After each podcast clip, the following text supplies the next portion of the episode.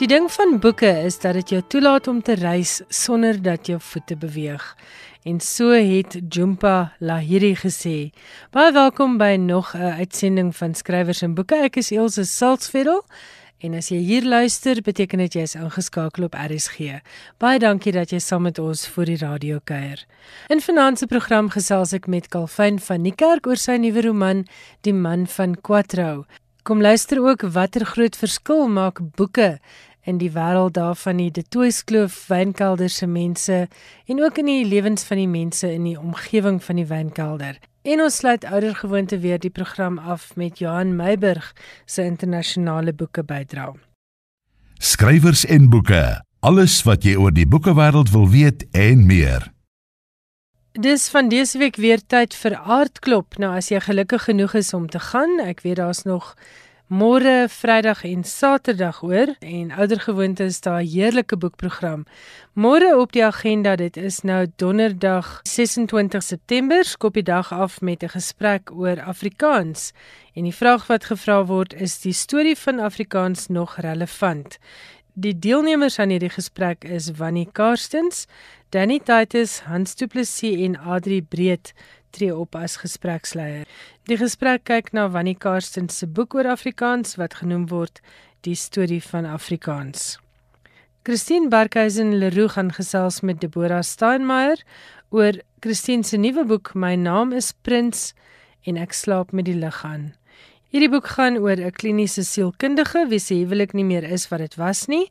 Haar dominee man Frank kruip al hoe vroeër in die studeerkamer weg met sy whiskybottel en dan kruis haar pad met Dion, 'n oud pasiënt wat haar nader om saam met hom 'n pelgrimstog te onderneem na die dorp van sy kinderjare. In Koeke en Tarte gaan die skrywer Susan Koetser bietjie gesels oor die verskille tussen mans en vroue en ook die verskillende tipe vroue. Dis 'n gesprek wat beloof om die lagspiere te prikkel. Zola is die titel van Johan Jack Smith se nuwe roman en Susan Paxton gaan met Johan gesels hieroor. Dit gebeur om 16:30 daar by die ATKV Boekoase.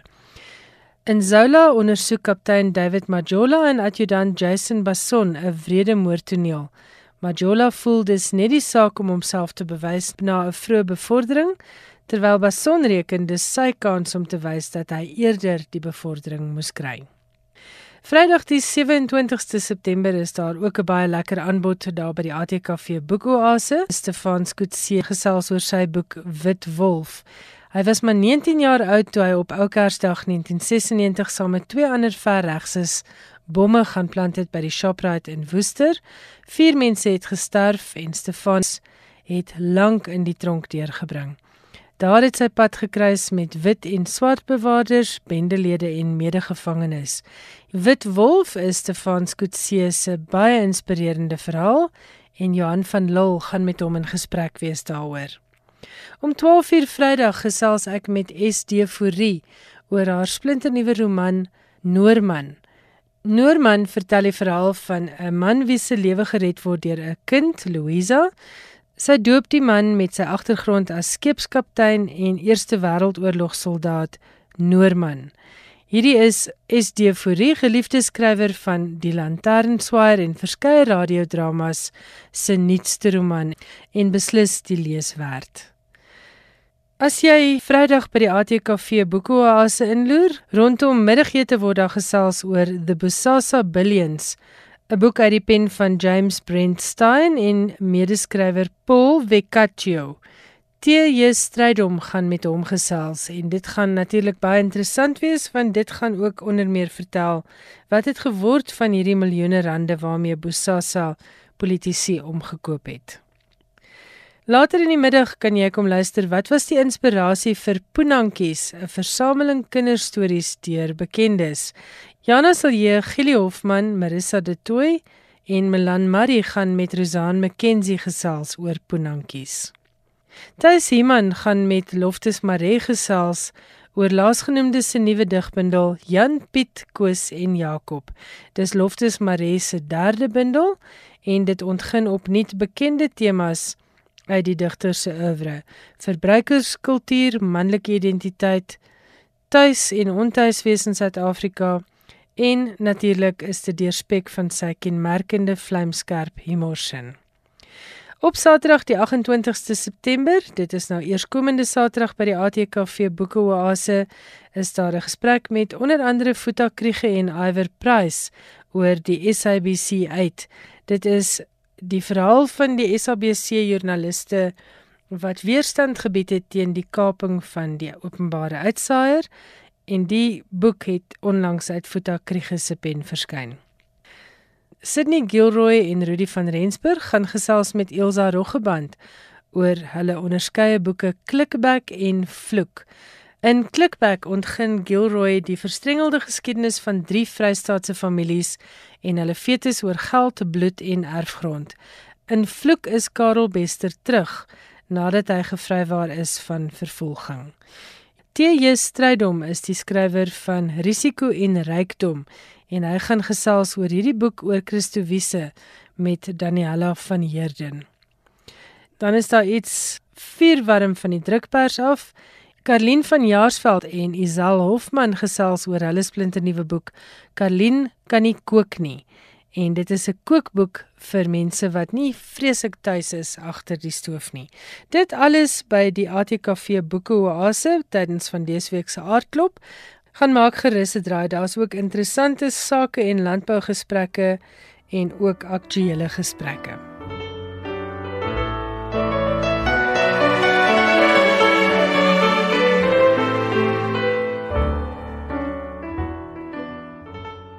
Maar nou is dit eers tyd om te gesels met Kalfyn van Niekerk. Julle sal onthou hy het so 'n paar jaar gelede 'n uitstekende spanningsroman geskryf met die titel Die derde graf En die man van Quattro wat onlangs verskyn het, is een van daardie spanningsromans wat 'n mens nie vinnig genoeg kan lees nie.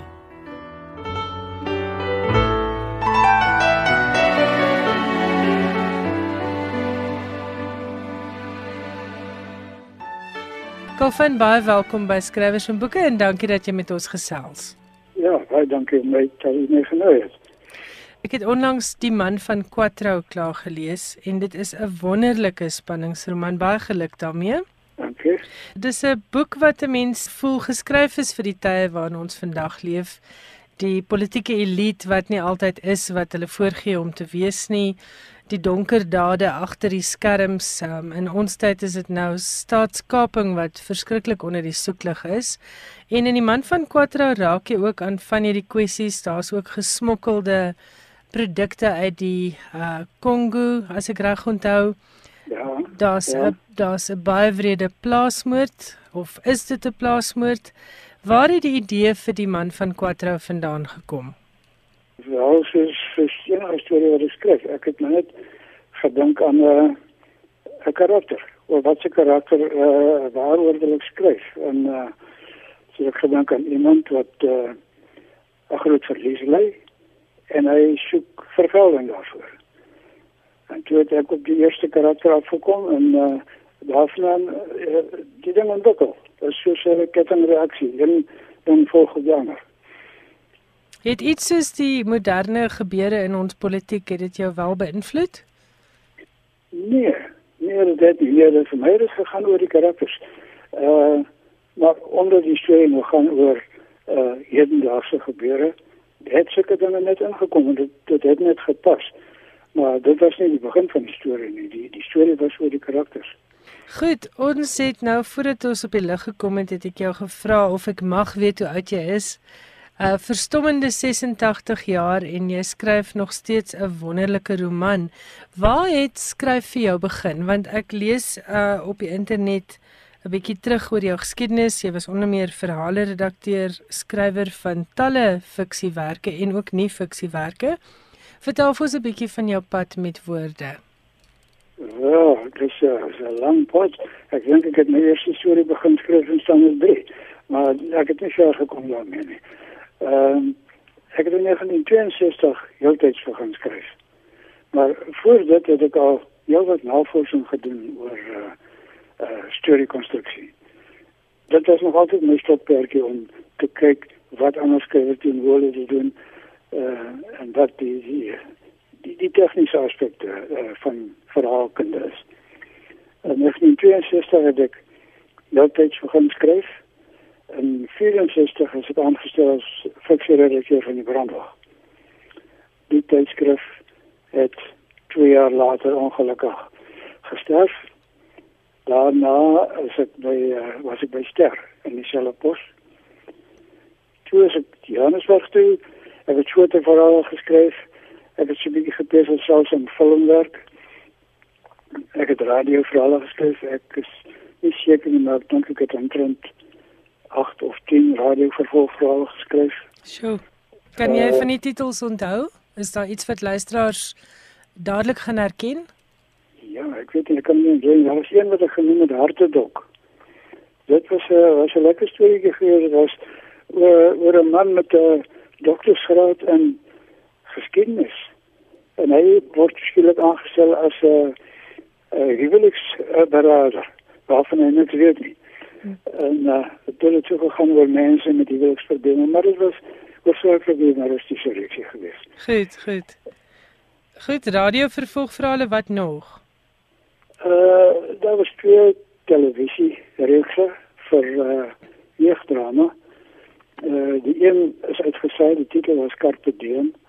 Die ander ene ongelukkig het nie die lig gesien nie want dit was net in die tyd toe die nuwe bewind oorgeneem het en jeugdrama is afgeskaf. Daarna het ek aan 'n besigheid betrokke geraak vir 'n paar jaar. En toe het weer begin skryf. Vir die eerste keer het ek rekord gehou van stories wat ek geskryf het vir tydskriffunksie. En van 2002 tot 2010 het ek 160 stories geskryf vir keer vir 'n keer uh onder drie skuilname. 160 stories. 160 kortverhale ja, af jaar. Sjoe. Dis baie produktief, maar dit help seker dat jy nou meer tyd het om te skryf, né? Uh ja.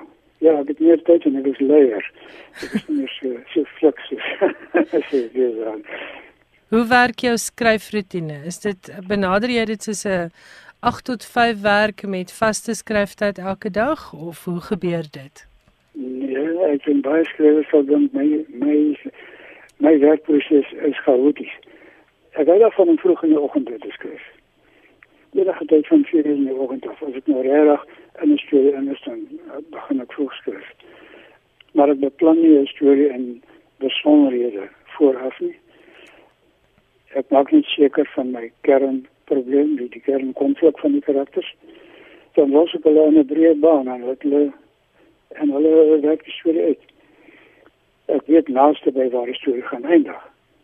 Maar nie presies uh, hoe dit gaan gebeur nie. Die Amerikaners praat van uh, sheet of pens writing. Jy skryf soos jy dan kom. Dit word nie in detail beplan vooraf nie. Ek gou ook nie 'n uh, spesifieke skryfure nie. Goed. Jy sê nou jou karakters neem die storie vorentoe. Ek is altyd geïnteresseerd in hierdie stelling as skrywers dit maak. Uh jy sê jy beplan in breë trekke, maar dan doen hulle wat hulle wil. Hoe werk daardie deel? Wel as as jy vir karakter 'n probleem uh uh ek seker dat die doel wat van elke karakter is. En as hy uh as hy die is van van die doel wat hy wil hê, van die punt wat hy wil bereik, dan reageer hy net op uh op seksies wat in sy pad kom. En die ander karakters reageer daaroor en die die dinge wat werk werk van self ek beteken natuurlik skryf ek myself in hoekie vas en uh, dit gebeur baie dat ek terug gaan aan die storie en herskryf dan invoeg uh, nuwe dele invoeg of ou dele uithaal en herskryf uh, dis baie werk ja. vir my vir my is dit uh, ek hou van die resultate wat ek kry daarmee goed Ek wil terugkom na iets wat jy vroeër gesê het. Jy was ook die skrywer van fotoverhale. Vertel vir ons 'n bietjie hoe dit gewerk. Uh ja, ek het 'n klompie fotoverhale geskryf toe ek in Durban was. Het ek uh hier en daar fotoverhale geskryf. Toe terug in Johannesburg toe, uh daar was 'n reeks, die Susters Teresa reeks. Ek het ek het Susters Teresa geskryf. Hier en daar 'n ander fotoverhaal Maar dit was nie my gunsteling werk nie. Dit was net liefe fotoverhale nie. Ek onthou ons mag dit nooit gelees het nie. My ma was nogal streng daaroor, maar ons het dit gelees. Ons het skelm by die bure gaan lees. Ek was gefassineer deur die, die hele konsep van 'n foto wat 'n storieetjie vertel. Is dit 'n ding wat net in Suid-Afrika nogal gewild was of waar het hierdie hele fotoverhaal ding vandaan gekom? Kan jy dalk bietjie meer lig werp daarop? Eintlik was dit 'n Europese ding, dis baie in Frankryk en Italië. En baie van die stories van die fotoverhale wat hier gepubliseer is, was eintlik uh Russiese stories. Hier in Durban byvoorbeeld, uh by Republikaanse pers is uh Italiaanse en Franse stories eers in Engels vertaal dan het uh, ek het paar van hulle Afrikaans uh. Maar baie is is hier geskied. Die reeks ek geskryf het, is hier geskied. Van die gewildste stories was hier geskied, soos Malkondor bijvoorbeeld. Ja. Uh, Malkondor was die begin van fotoverhalen in Afrikaans. Het is een geweldige populaire reeks. Ik denk in een stadium was een circulatie omtrent 200.000. Sure. En daarvan het ander reekse ontwikkel. Goed. Ek wil terugkom na die man van Quattro. Jy het twee buitestander figure hierso as hoofkarakters. Die, die polisieman en dan die verontregte Tinus Olkers wie se familie vermoor word. Maak 'n buitestander figuur vir 'n lekkerder storie. Gee dit vir jou meer materiaal om mee te werk as jou karakter bietjie van 'n stroom opou is wat bietjie buite die stelsel werk. Uh met ander woorde minder van 'n goody two shoes. Ja, ek ek van 'n karakter wat 'n uh, uh, spesiale ehm um, eienskappe het. Tinus byvoorbeeld is 'n moeilike mens.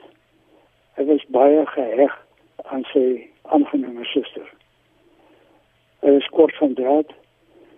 Uh die die speler ek dink hy's 'n lekker karakter, ek het van hom gehou. Ek sal hom graag weer wil gebruik as ek so ver kom om weer te skryf. Die ander bose karakter, Patel, hy was aanvanklik 'n ordentlike goeie mens, maar wat met hom gebeur het, het hom wat ontwikkel in 'n bose affære. En uh, nou ja, hy het eintlik die hele dan hy is die man van Quattro en hy het eintlik die die storie, hy is die die kern van die storie. Die man van Quattro begin by tieners, wat wat aangeneem is. En uh, nou ja, hy het toe vergelding gaan soek vir wat gebeur het, maar die vraag was toe wie het daar die uh, wandaad gepleeg. En ek moes een ander skep en dit het gekom by Patel. Hoe groot rol speel navorsing in jou skryfproses? Want die navorsing hier kan 'n mens optel, mens lees interessante detail rondom iets soos Quattro. Quattro was 'n aaklige strafkamp waar verskriklike dinge gepleeg is in die naam van die bevrydingsoorlog. Het jy baie gaan lees daaroor? Ja, ja, ek het navorsing gedoen oor uh, oor strafkampe en, dis hoe by Quattro uitgekom het en, en wat daar gebeur het en wat daartoe gelei het. En, ja, ek doen navorsing, maar ek hou nie van uh, ek gebruik die minimum navorsing. Maar as ek sê navorsing met die wat uit navorsing kom. Ek gebruik die minimum inligting net om die storie geloofwaardig te maak. Die moeilike punt is is waar ek geloofwaardigheid bereik, al stop ek uh, uh, navorsing inligting. Ek wil nie te veel daarvan hê nie. Uh, ek hou nie van uh, ja, as, as ek lekker lees aan 'n storie en ek kom by 'n spanningssituasie en ek nou eers lees wat hy skryf en hy vertel van sy navorsing, dan irriteer dit my intens. Ek ek wil dit nie doen nie. Ek gebruik so min as moontlik daarvan, net genoeg om geloofwaardigheid aan die storie te gee. Goed. Anders word dit so maklik 'n teses oor die skrywer se navorsing eerder as 'n verhaal. Ja, dit word 'n teses en uh, moet ek net weet of my leser belangstel in daai besondere onderwerp. Ek ek kan mos net vir hom skryf. Dis nie my taak om my leser te leer of aan te lig of op te voed nie. Ek moet hom vermaak. Hy wil 'n storie hê. Ja. En ek bly by die storie en ek gebruik sy min uh, ander aanligting as moontlik. Wie is jou gunsteling skrywers? Uh, daar's hele wat. Uh, as ek moet teruggaan. Uh aanvanklik miskien John D. McDonald. Uh ek was 'n groot aanhanger van hom nou nog. Uh dis daar is daar uh, Michael Connolly, Nelson DeMille, James Lee Burke. Ag, ek kan nie so gewoonlik aan almal dink nie. Maar met ander woorde, jy geniet dit ook om spannings ehm um, fiksie te lees. Ek lees ook saaklik spanningsfiksie. Ja. Goed. Ek is nie ek is nie lief vir vir hoe dan dit nie. Ek verkies die thriller. Die verskil is die uh, uh, hoe dan dit gaan eintlik oor dinge wat gebeur het. Die speler doen navorsing en hy hy probeer opkrap wat in die verlede gebeur het. Die thriller is is uh, gaan oor wat nou gebeur. Dit is die soort storie wat ek verkies. My gunsteling skrywers skryf ook uh ondersoekende speelverhale. Maar uh hulle doen dit op 'n baie goeie manier. Dit is nie die Agatha Christie stories, ek kan nie daarvan nie. Ek is speurder dat 'n inherente swakheid is ek verhaalkarakter.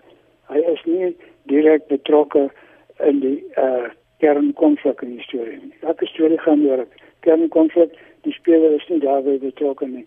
Hy raak eers betrokke nadat dit gebeur het. Ek begin by daai konflik. Dis waar ek my storie wil begin. Goed. Ek het 'n laaste vraag. Uh, is jy weer besig om te skryf van 'n roman of is dit nou eers 'n bietjie weer tyd vir kortverhale? Uh ja, ek is lank al klaar met kortverhale. Ek sou nie weer 'n kortverhaal skryf nie.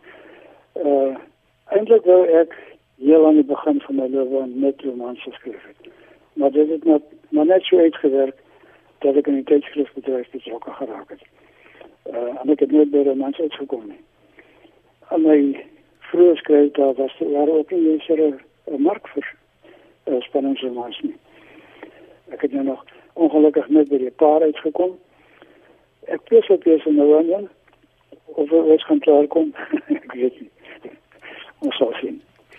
Kalfyn baie geluk met die man van Quattro en vir luisteraars wil ek sê ek kan hierdie boek beslis aanbeveel. Dis 'n baie lekker spannende lees en jy kry so klein insiggie in wat alles kan verkeerd loop wanneer mense magsbehep raak, maar jy lees veral net vreeslik lekker aan hierdie hele speurtog om uit te vind wat veroorsaak soveel boosheid. Kalfyn, baie dankie dat jy met ons gesels het. Ja, baie dankie vir jou. Kalfyn van die kerk se boek Die man van Quattro word uitgegee deur Penguin Random House. Soos verlede week beloof, gaan ek vanaand 'n bietjie meer vertel oor die ontvanger van die ATKV se toekenning vir leesbevordering wat tydens die onlangse ATKV woordfeertjie toekennings gemaak is. En hierdie toekenning gaan vanjaar aan die De Toys Kloof Fairtrade Mobiele Biblioteek en Media Sentrum. Luister net na 'n opsomming van hierdie projek. Drie voorskoolse sentrums, 'n laerskool met Wi-Fi en 'n dataprojektor in elke klaskamer, plus 'n groot rekenaarlaboratorium met internettoegang en opvoedkundige sagteware, tesame met gratis voedsame maaltye elke dag, 'n mediese fasiliteit en 'n lae onderwyser-leerling rasio plus 'n puikbiblioteek met internettoegang en rekenaars. Dalk dink jy nou 'n mens praat hier van 'n duur privaat skool in die stad, maar dit is glad nie die geval nie. Hierdie skool bestaan vir die kinders van plaaswerkers wat druiwe lewer aan die De Toyskloof kelder in die Brede Vallei naby Woester. In 2005 het De Toyskloof een van die eerste kelders in die land geword om akkreditasie te kry by Fairtrade.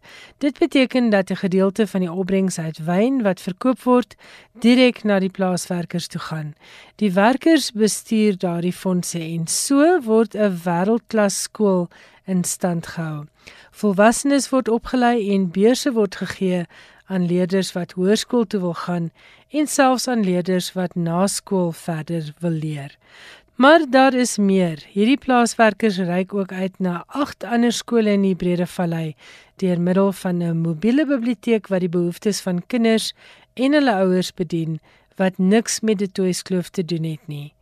Malaya Yousafzai het by geleentheid gesê, "When the whole world is silent, even one voice becomes powerful." En dit is presies wat hier gebeur het. Marius Lou, die uitvoerende hoof van De Toys Kloof, is 'n krangige fietsryer.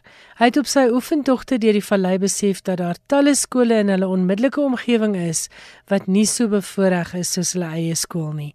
So het die idee ontstaan om 'n biblioteek na die ander skole te neem. 'n Mercedes vragmotor is gekoop en 'n volledige biblioteek met boeke, rekenaars en internettoegang is ingerig. Annelien Syfers, 'n boerling van die Brede Vallei, is aangestel as bibliotekaris en nou reis die De Toitskloof Kelder se mobiele biblioteek na 9 verskillende skole wat elke tweede week 'n besoek kry van die biblioteek Lorry. Die verstommende deel van hierdie projek bly die feit dat 'n groot deel van die geld wat spandeer word op die bereik van hierdie ander skole wat niks met die Toitskloof-kelder te doen het nie, juis befonds word deur die plaaswerkers verbonde aan die Toitskloof. Die werkers reik met hierdie biblioteek lorry uit na ander plaaswerkers wat minder bevoordeel is as hulle. Maar nou gee ek die mikrofoon vir Marius Lou om vir ons te verduidelik presies waar dit alles begin. Ek is hier in Stellenbosch by die Woordfeertjies. Ek gesels met Marius Lou oor 'n baie aangrypende projek. Dit is 'n mobiele biblioteek en jy is van die Toyskloof. Asseblief vertel vir ons van hierdie wonderlike projek. Elsje baie dankie, dankie vir die geleentheid. Man, ehm um, Ek dink die inisiatief het 'n klompe jare gelede begin omdat omdat 'n mens besef jy uh, jy's baie bevoordeel. Jy sien die wêreld in in uh, in vele opsigte. Ehm um, jy weet dit ons het ons het ons regtig baie bevoordeelde lewe en wanneer ek rondom my kyk en rondom my beweeg dan sien ek daar's waarskynlik mense met wie mense uh, deur geringe veranderinge te maak. Jy weet 'n groot verandering in sy lewe te kan maak of in haar lewe te kan maak. Mense wat naby aan ons is in in terme van die keller omgewing is die aard van die saak die kellerwerkers en die en die plaasarbeiders se kinders en en daardie ouetjies gaan na plaaskooltjies toe en landelike skooltjies uh en toegang tot leesmateriaal, toegang tot regtig koerante, tydskrifte, Afrikaanse leesmateriaal is nogal skraps en ons het 'n inisiatief op die been gebring om 'n mobiele biblioteek, 'n uh, doodgewone biblioteek op wiele by daardie skooltjies om te neem. Nou die konsep is waarskynlik nie nuut nie. Ek dink ek en jy kan onthou dat ons toegang gehad het tot 'n biblioteek en en uh, ek het maar daardie gedagtes gaan afstof en met hedendaagse tegnologie en wifi en in internet en in laptops en in in tablets en die tipe van goed vir hulle blootstelling begin gee aan 'n wêreld waarskynlik wyeer en groter en, en meer omvangryk as dit waartoe hulle op hierdie stadium toegang het. Wat vir my die projek ook baie besonder maak is dat julle werkers besit 'n aandeel in julle maatskappy en hulle befonds as dit ware ook hierdie mobiele biblioteek. Vertel vir ons daarvan. Ja, die die inisiatief lê binne 'n trade omgewing. So die werkers besit nie net die aandeel nie, die werkers behou die die aandeel. Hulle het 100% van die inisiatief van die projek. Ek sê dit met uh, baie nederigheid, sagte hart. Ons het basies die plan aan mekaar gesit en hulle hulle rol die plan elke dag uit op 'n dag tot dag basis. Hulle bestuur die inisiatief. Hulle maak seker dat die skooltjies besoek word, dat die dat die omset van van nuwe materiaal, nuwe boeke, toegang tot daai goed uh deurlopend op datum is uh, hulle neem die besluite en dis tog die ware bemagtiging en dis vir my nogal belangrik. Jy weet ek is ek is ingestel op daai goed en en dit voel vir my dit bring vir ons jy weet die kamfer dat die projek suksesvol is en dat die ontvanklikheid van die projek, die manier waarop die mense die projek inneem en en toelaat is uh, is is eintlik merkwaardig, is eintlik iets om te beleef. Wat is jou ervaring as jy met hierdie kindertjies praat? Wat maak hierdie boeke? Wat 'n wêreld maak hierdie boeke en die internet en al hierdie wonderlike leesmateriaal wat jy vir hulle bring? Wat maak dit vir hulle oop? Ilse, ehm um, ek dink die ek dink die wêreld lê vir hulle op twee vlakke. Die eerste is en ek sê dit weer eens baie nederig, die geleentheid dat hy 'n boek mag neem, huis toe neem en weer mag terugbring. Met ander woorde, jy jy laat hom toe om eienaarskap en en hy mag sy eie toegang op die op die op die sagte ware sit en en jy weet op daai manier is dit in 'n sekere opsig sy eiendom. Hy gee vir hom 'n bietjie uh kuratorskap as jy wil um, rondom daai goed. So dis vir my belangrik en dis iets wat 'n mens dan nou op 'n klein stadium jy weet vir hulle leer hoe om jy weet boeke te hanteer, hoe om boeke te blaai, hoe om uh inligtingstegnologie te bestuur en en te onderhou. En op die tweede vlak natuurlik maak dit vir hulle wêreld oop. So ewe skielik is my en jou woord en ehm um, jy weet dit wat mense elke dag op uh, publieke forums en ek dink nou onwillekeurig aan politici, dis nie jy kan jou eie besluit neem, jy kan jou eie opinie vorm en jy jy jy jy het jy het jy het 'n verstaan van waaroor 'n klomp ander goed gaan. Ons praat oor lees en ons praat oor toegang tot boeke. Wat sê die onderwysers vir jou? Hoe het hierdie kinders se wêreld verander akademies? ongelooflik. Dit is regtig en as ek sê ongelooflik, dan bedoel ek dit in die amper oortreffende trap. Ehm um, die kinders kan toegelaat word om take te doen, take wat in die verlede ehm um, dis dis baie moeilik om vir iemand 'n opdragie te gee, maar hy het nie materiaal om op daardie opdragie te borduur of 'n bietjie diepe navorsing of 'n bietjie jy weet feite bymekaar te maak nie. En en bloot op op teen daai agtergrond is dit daarom nou so dat ehm um, die die die die omvang van werk waarmee uh, die onderwysers, die leerkragte uh, uiteindelik die leerdlinge kan vertrou is tog baie dieper en baie groter en en die die die die vlak van redenasie is daarom nou so 'n bietjie hoër. Uh dis die een ding. Ek dink die ander ding is uh moet nooit vergeet nie, ons doen dit in samewerking met die departement van onderwys in die Wes-Kaap. So die hele kurrikulum van die departement van onderwys in die Wes-Kaap laat toe dat die biblioteek by die skooltjie mag parkeer. Die biblioteek is selfonderhoudend. So uh, jy weet hy hy het sy eie ehm um, het sy eie krag en sy eie diesel en jy weet hy hy hoef nie van van die van die skooltjie se krag afhanklik te wees om om um, om sekere goed gedoen te kry. Ek dink nou byvoorbeeld aan die wifi en so. Maar maar dit beteken dat die die die die departement se kurrikulum word eintlik aangevul, word eintlik uitgebrei op 'n op 'n vlak wat die kinders voel as hy die dag hy mis uit. Jy jy ken daai gevoel van as jy nie die dag in die biblioteek was nie, mis jy uit. Jy weet in in in ons sien dit nogal, jy weet uh, al hoe meer en meer tot so 'n mate dat die onderwysers en die onderwyseresse selfs dit as 'n uh, as 'n strafpotensiaal gebruik en ek sê nou straf in aanhalingstekens want as jy jou nie gedra in die klas nie, het ek al gehoor hulle sê jy gaan nie vandag in die biblioteek in nie. En dis tog mooi, nê? Nee, dis tog dis tog lekker om te hoor dat dat kinders so graag daar wil ingaan. Dit dat hy eintlik heeltemal gehoorsaam is, want net nou mis hy die volgende geleentheid. Baie dankie dat jy met ons gesels het. Baie geluk met 'n fantastiese projek en ek hoop ander mense daar buite neem kennis en word aangevuur deur julle entoesiasme. Dankie Marius. Dankie Ilse. Van skrywers en boeke se kant af baie geluk aan almal wat betrokke is by die De Toeskloof Fairtrade Mobiele Biblioteek en Media Sentrum aan die mense wat die inisiatief uitgedink het. Baie geluk met julle visie en versienheid. Maar 'n groot applous aan die werkers van De Toys Kloof Kelder vir dit wat julle nie net vir julleself doen nie, maar ook vir die hele gemeenskap om julle. Julle ATKV toekenning vir leesbevordering is voorwaar wel verdiend. Skrywers en boeke, alles wat jy oor die boekewêreld wil weet en meer. Nou is dit Johan Meiburg se beurt met sy weeklikse internasionale insetsel. Johan, goeienaand. Hallo Ilse. En die mikrofoon is joune. Baie dankie. Die Duitse Nelly Sachs-prys, 'n prys wat die stad Dortmund al om die ander jaar toeken aan 'n skrywer wat verdraagsaamheid en versoening in sy of haar skryfwerk bevorder, is onlangs aan die Brits-Pakistaanse skrywer Kamila Shamsi toegekend. Die prys is genoem na Nelly Sachs. Sy is gebore in 1891 en sy is dood in 1970. Sy was 'n Joods-Duitse skrywer en wenner van die Nobel Letterkundeprys in 1966.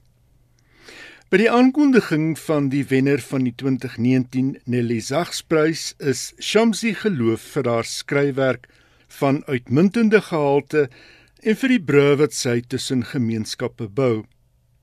Maar toe die beoordelaars later uitvind van haar steun vir die boikot, disinvestment en sanctions beweging, het hulle die prys teruggetrek. Die BDS beweging is 'n Palestynse veldtog om verskeie vorms van boikotte teen Israel, alles geskoei op die destydse boikotte teen Suid-Afrika te bevorder totdat Israel voldoen aan wat die beweging beskryf as verpligtinge in terme van die internasionale reg. Dit sluit onder meer in onttrekking uit die besette gebiede, die verwydering van die skans op die Wes-oewer en respek vir en beskerming van die regte van Palestynse vlugtelinge. Volgens die beoordelaars het hulle nie op Shamsi se BDS bande afgekom toe hulle hulle navorsing oor haar gedoen het nie. In 'n verklaring het die beoordelaars intussen gesê Shamsi se aktiewe steun van die BDS se kulturele boikot is duidelik in teenstelling met die statutêre oogmerke van die Nelly Zags Prys. En dan vervolg die beoordelaars Op grond van die kulturele boikot is Camilla Shamsi se skryfwerk met ander woorde ook buite die bereik van die Israeliese bevolking. Dit is in kontras met die Nelly Zags Prys wat versoening tussen mense en kulture voorstaan. The Guardian het intussen berig dat die Duitse parlement 'n mosie aanvaar het waarin die BDS-beweging as antisemities beskryf word. Iets en ek haal aan wat herinner aan die vreeslike hoofstuk in die Duitse geskiedenis. In haar reaksie het Shamsi gesê dit bedroef haar dat die beoordelaars onder druk geswig het en op dië manier 'n skrywer straf vir haar vryheid van gewete en uitdrukking. Jody Ginsburg, uitvoerende hoof van Index on Censorship, het gesê dit is onverontrustend dat Shamsi van die prys beroof is. 'n Prys wat bedoel is om erkenning te gee aan 'n voortreffelike literêre bydrae en die bevordering van begrip tussen mense het nou in die slag gebly omdat die skrywer in haar persoonlike hoedanigheid besluit het om 'n nie gewelddadige beweging te steun een wat die fokus plaas op die respek vir universele menseregte het Ginsburg gesê. Shamsi se vyfde roman Burnt Shadows van 2009 was op die kortlys vir die Orange Prys en het die Anisfield Wolf Prys vir fiksie gewen. A God in Every Stone van 2014 was op die kortlys vir die Walter Scott Prys en ook die Bailey Prys. En haar sewende roman, Home Fire, was op die langlys vir die 2017 Booker Prys en het die volgende jaar met die prys vir fiksie deur vroue skrywers weggestap. Dankie Johan. Uh dan het jy iets oor Edmund White. Wie is hy? Amerikaanse skrywer. Hy word op 20 November vereer vir sy bydrae tot die Amerikaanse letterkunde. The National Book Award het aangekondig dat hy 'n erepenning aan die 79-jarige Edmund White gaan toeken. White is veral bekend vir sy autobiografiese A Boy's Own Story van 1982 The Beautiful Room is Empty van 88 en The Farewell Symphony, sy biografie van Jean Genet. Wanneer 'n mens terugkyk op 'n loopbaan soos die van Edmund White, sien jy dit vir wat dit is, het Liza Lucas, uitvoerende hoof van die National Book Stichting gesê, revolusionêr en lewensbelangrik. 'n uitbeelding van die mense, gebeure en geskiedenis wat nie net queer lewens sigbaar gemaak het nie, maar ook die groter landskap van die Amerikaanse letterkunde. Dankie, dan het jy iets oor Zadie Smith. Haar eerste bundel kortverhale, Grand Union, verskyn volgende week. Smith het in 2000 'n hele rits pryse ingeoes met haar debuutroman White Teeth Die aandag wat die roman gekry het, het daartoe gelei dat sy aanvanklik nie 'n woord kon skryf nie, het sy gesê. Maar 2 jaar later het The Autograph Man verskyn, 'n kommersiële sukses, maar sonder die hoha. On Beauty, die roman van 2005, het die Booker langlys gehaal en die volgende jaar die Orange Prys en ook die Anisfield Wolf Prys. NW het in 2012 verskyn en Swingtime in 2016 Die boek het die Boekerlanglys gehaal. Haar eerste historiese roman, The Fraud, het vroeër vanjaar verskyn. In 'n onlangse onderhoud oor haar leesgewoontes het Smith ruiterlik erken sy het 'n paar boeke nog nie klaar gelees nie. En dit sluit in Fyodor Dostojewski se The Brothers Karamazov, A Tale of Two Cities van Charles Dickens en Don Quixote van Miguel de Cervantes. Sy het wel gesê sy is tans besig om Dickens weer 'n keer 'n kans te gee. Hier is 'n uittreksel uit 'n onderhoud wat Michael Silverblatt in 2006 met Smith gevoer het oor lees en die ontwikkeling van 'n begrip vir menswees. But the problem with readers the idea we're given of reading is that the model of a reader is the person watching a film, watching television. So the greatest principle is I should sit here and I should be entertained. And the more um, classical model, which has been completely uh, uh, taken away, is the idea of a reader as an amateur musician. So an amateur musician sits at a piano, has a piece of music, which is the work made by somebody um, they don't know, who they probably couldn't comprehend entirely, and they have to use their skills to play this piece of music. The greater the skill, the greater the gift that you give the artist and that the artist gives you. That's an incredibly unfashionable idea of reading. And yet, when you practice reading and you and you work at a text, it it can only give you what you put into it. It's a it's an old moral, but it's completely true. I think that especially now, this was once known that the reading of novels and poetry was instruction in how to be human. Yeah. Well, this is uh, there's this great uh, Aristotle called it education of the emotions. That is dealing with texts which aren't moral philosophy, which aren't uh, in a rational form, which aren't math. The material of the human, the material of narrative, basically.